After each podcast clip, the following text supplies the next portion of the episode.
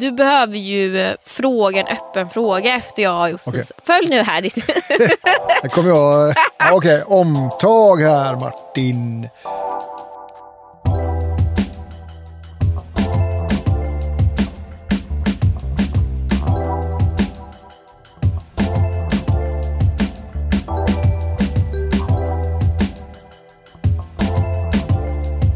Välkommen till en podd i podden. Jag heter Rebecka. Och jag heter Alarik. Och idag ska vi tala om tre olika delar i rekryteringsprocessen. Vi träffar kandidater och vi får in dem i vår process och då är det tre specifika delar. Det är referenstagning, det är kodtest och det är personlighetstest. Är det här bra grejer? Vad är bra? Är det dåliga grejer? Vad är dåligt? Kan man mixa det här? Ja, det är lite de delarna vi skulle behandla idag. Då börjar vi väl? Ja!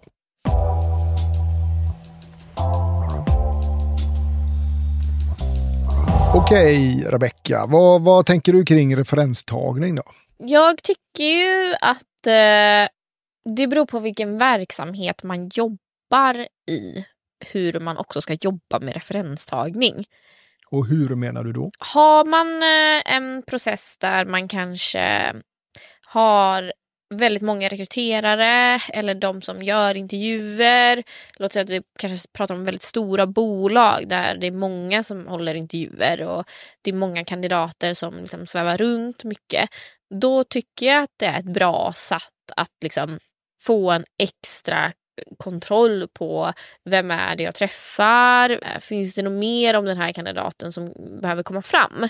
Har du jobbat i sådana verksamheter tidigare så du liksom har, känner att det varit en nytta i din rekryteringsprocess? Ja, det har jag. Det är ju också någonting egentligen som man lär ut också. Att eh, man ska ta referenser och hur man tar referenser. Men just för att man kanske vill kontakta då en tidigare arbetsgivare, oftast en närmsta chef. Då vill man ju fråga kanske, ja, men, ja, men, hur skötte hen sig? Vad hade den för arbetsuppgifter? Får du tag på dem? Har de varit eh, villiga att svara? Jag tänkte att chefer kanske är upptagna. Ja, alltså i början, för kanske sju år sedan, ja, skulle jag säga då. Desto mer tiden har gått, desto svårare har det ju blivit Mm. att få chefer att ge sig tiden med liksom, referenstagning. Men det är väl just det att jag tror att det har hängt med så länge det här med referenser och det kan ju till och med vara att eh, när man slutar att en chef säger men jag kan vara din referens. Så, Man- så du är positiv här om vi liksom eh, lite snabbt sammanfattar här, kanske högg mitt i här, men det känns som du är, du är för. Jag skulle inte säga att jag egentligen är för eller emot. Utan jag tycker verkligen det beror på vilken verksamhet det är. Hur man jobbar med rekrytering, vilka volymer det gäller.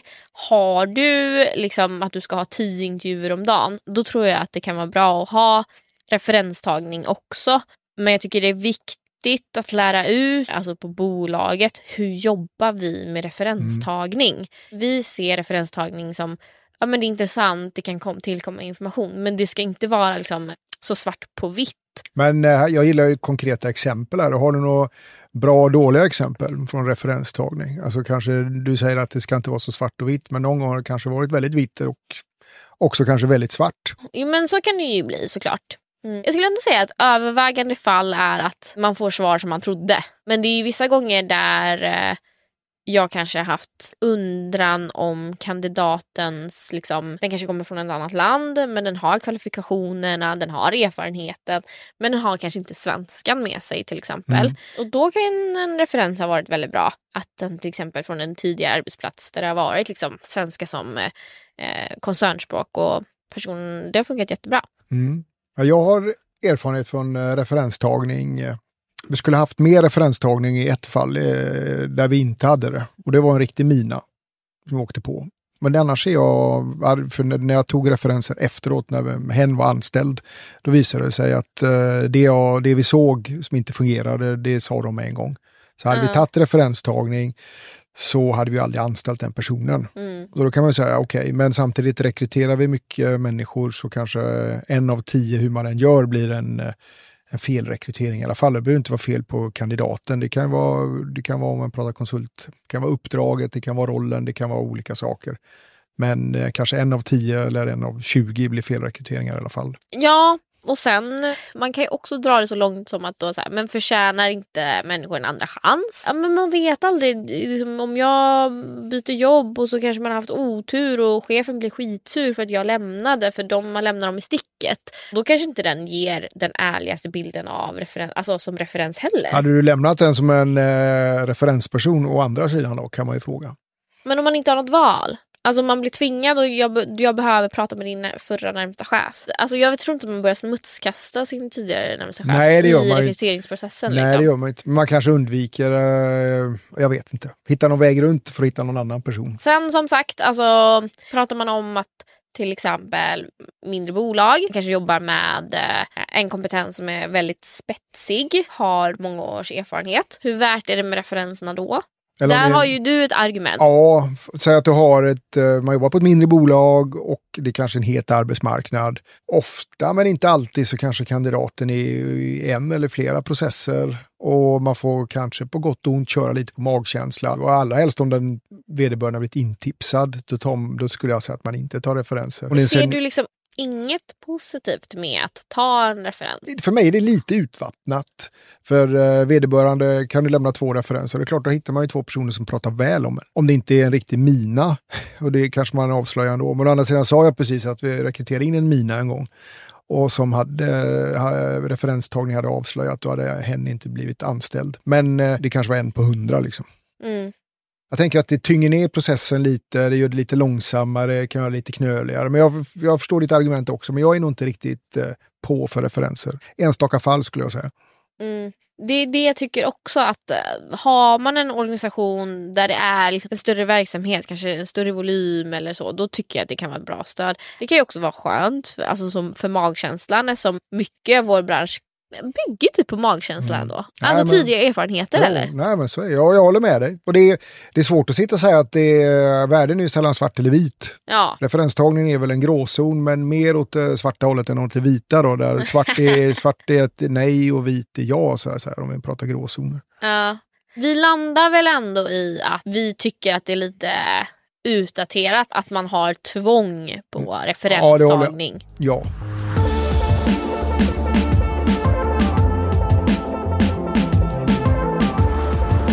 Och en annan sån sak är ju personlighetstest. Mm. Och vad har du för tankar där då? Alltså jag tycker ju det är roligt att göra dem. Men där är jag nog ännu mer att man, det ska inte få gö- avgöra ens anställning.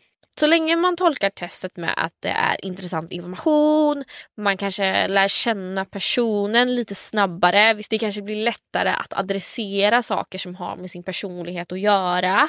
Eh, så, länge man använder det på det viset, att använda det som diskussion och liksom så, men jag tycker absolut inte att det får vara någonting att man liksom ska gå efter att ja, men vi vill ju att den här ledaren ska vara den här. Personlighetstestet sa att den var ganska låg på det.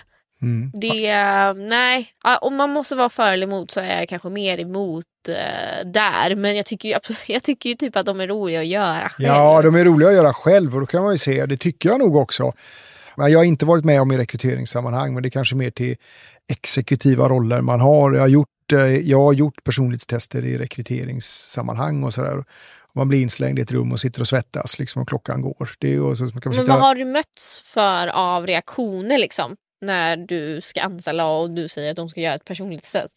Nej, men jag, det, det, jag har aldrig gjort det. Jag har bara, Ah. ja, jag bara gjort test själv. Själv? Ja men det är i- det jag menar, hur kände du då? då? Nej men det var ju svettigt. Du får gå in i Ja. ett rum och har du en timme på dig och så TikTok, TikTok och så sitter du där och så ska du vända, det är sån intelligenstest och vända ut. Eh, om du har en box som är utvecklad och så vecklar ihop boxen, vad är, vilken sida är det man ser och talserier och ditten och datten då. Så ska man se vilken, ja det är en form av intelligenstest. Det är ju svettigt att sitta och göra det och sen eh, har man ju läst många artiklar, visar det verkligen det det ska visa och Men-. Ja, det är väldigt, för mig är det jätteluddigt. Jag, det är nog luddigare än, då tycker jag referenstagning är bättre än personlighetstester skulle jag säga. Alla har ju sin ledarstil.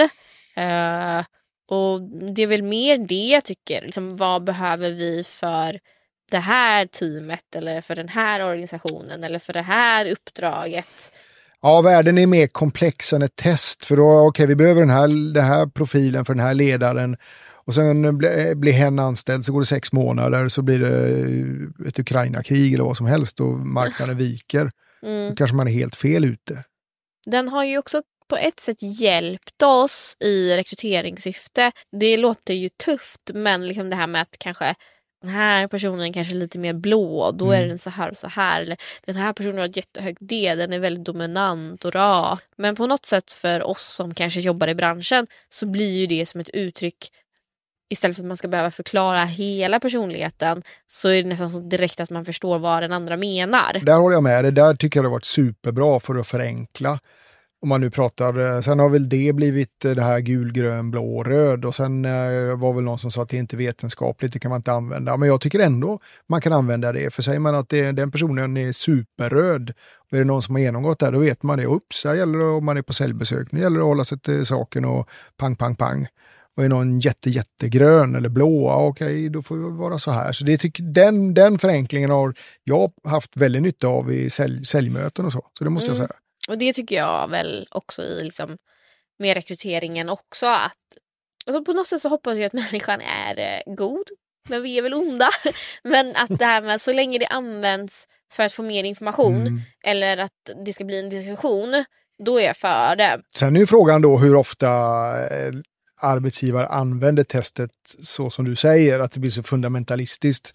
I den bästa av världar är det väl en del av ett underlag och det kanske väger, jag vet inte hur mycket det ska väga där, om det är 10, 20, 30, 40 eller vad många procent det är då. För det går ju att tweaka tester också, att fylla i saker som man förväntas, vilken roll du söker. Jag har gjort sådana här tester för länge sedan när jag pluggade, om man skulle tolka bilder och det är klart, eh, de förväntar sig vissa svar. Och då, ja, så här. Så, så man det, knäcker koden lite. Ja, knäcker koden, ja exakt. Och det kanske inte det var superkomplext i testet, men ändå liksom, vad är det förväntade svaret liksom för en roll du vill ha? Ja.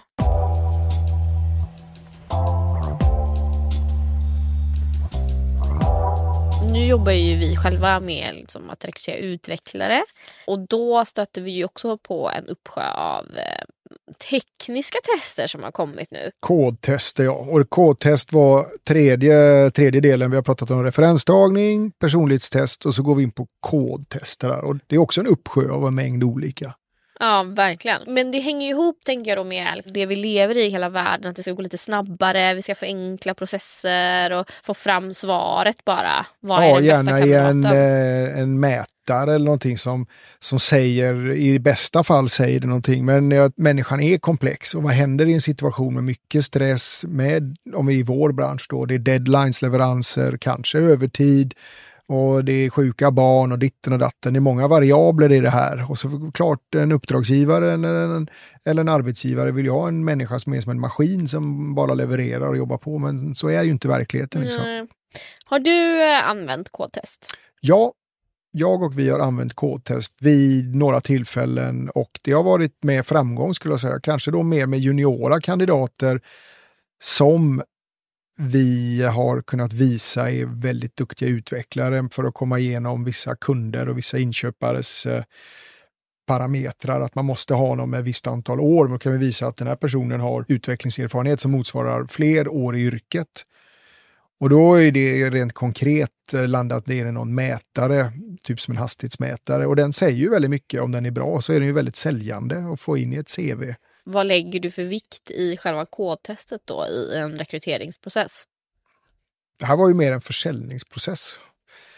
Och det var ju viktigt, men pratar vi en rekryteringsprocess så får jag tänka efter här, har vi använt det i någon rekryterings... Det blir väl det om man säger så. Alltså, ja, man kan ju ha det i bägge, ja, man kan ha bägge delarna kan man ju ha. Jo men precis. Och men då är det ju som K-test, det är kanske en juniorkandidat, men vi tror att hen är jäkligt duktig. Liksom. Vi behöver ha någonting mer för att spicea upp det, både i försäljning och även kanske hen behöver bevisa för att komma över tröskeln för att bli rekryterad. Då, då är jag för, det är tumme upp om de får ett dåligt resultat? Alltså hur mycket väger det in för dig då? Då hade nog vägt in ganska mycket faktiskt. Just då spelar ju testet ja, roll. i det fallet. Sen, sen kan man ju, om man nu pratar likväl som man säger, vi, vi ska inte ta referenser, men då kanske det är om man har en senior utvecklare, kanske man inte sätter på ett kodtest om man uttrycker sig lite slarvigt. För det kanske hen tycker det är lite förnärmande eller, eller vad vet jag. Det, det är liksom eh, en för stor tröskel att kliva över. Men jag har gjort allt det här, det är klart. Ni ser ju min profil vad jag kan. Liksom. Ska jag göra ett kodtest också? Litar ni inte på mig? Vilket kanske då är en med junior lättare. Men det är klart, har du en senior utvecklare och, eh, men säg så här, nu har vi inte gjort det, men säg att du har en senior utvecklare som gör ett kodtest som är vröldåligt.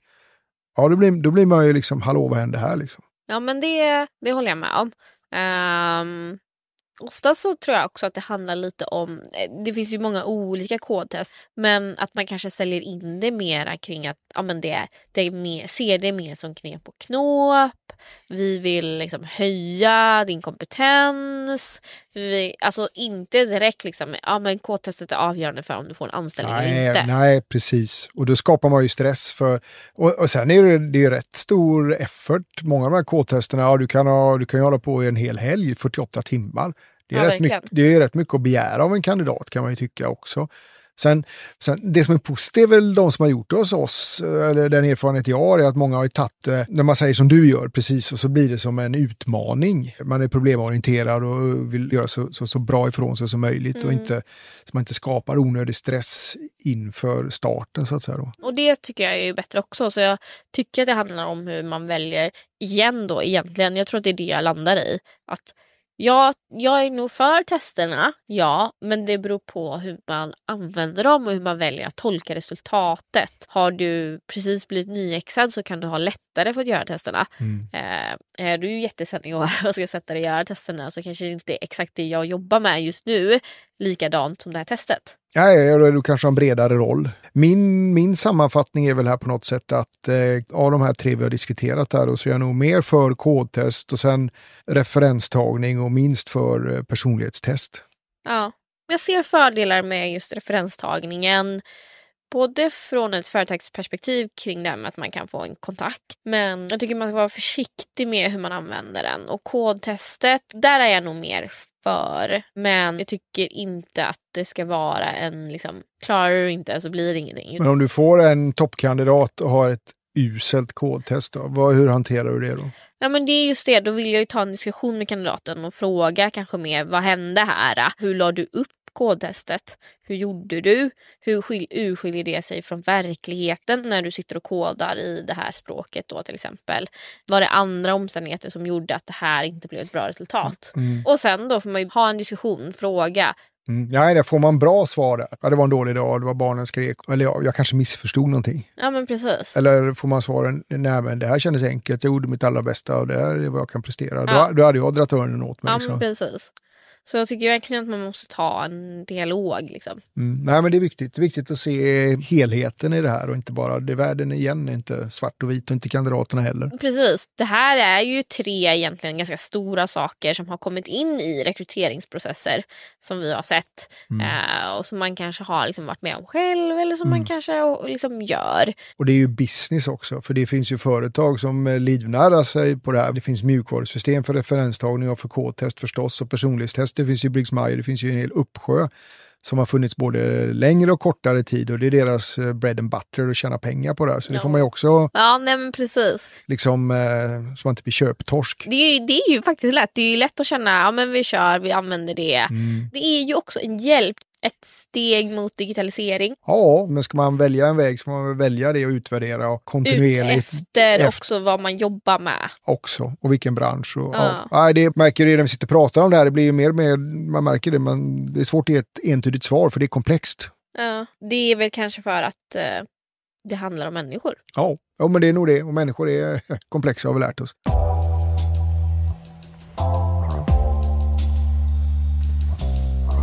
Vi avrundar väl där ja, idag? Det, det tycker jag. Då har vi ändå behandlat referenstagning, kodtest, personlighetstest. En liten del i en uh, rekryteringsprocess. Ja, ja, exakt. På återseende. Och på återhörande. Hej då!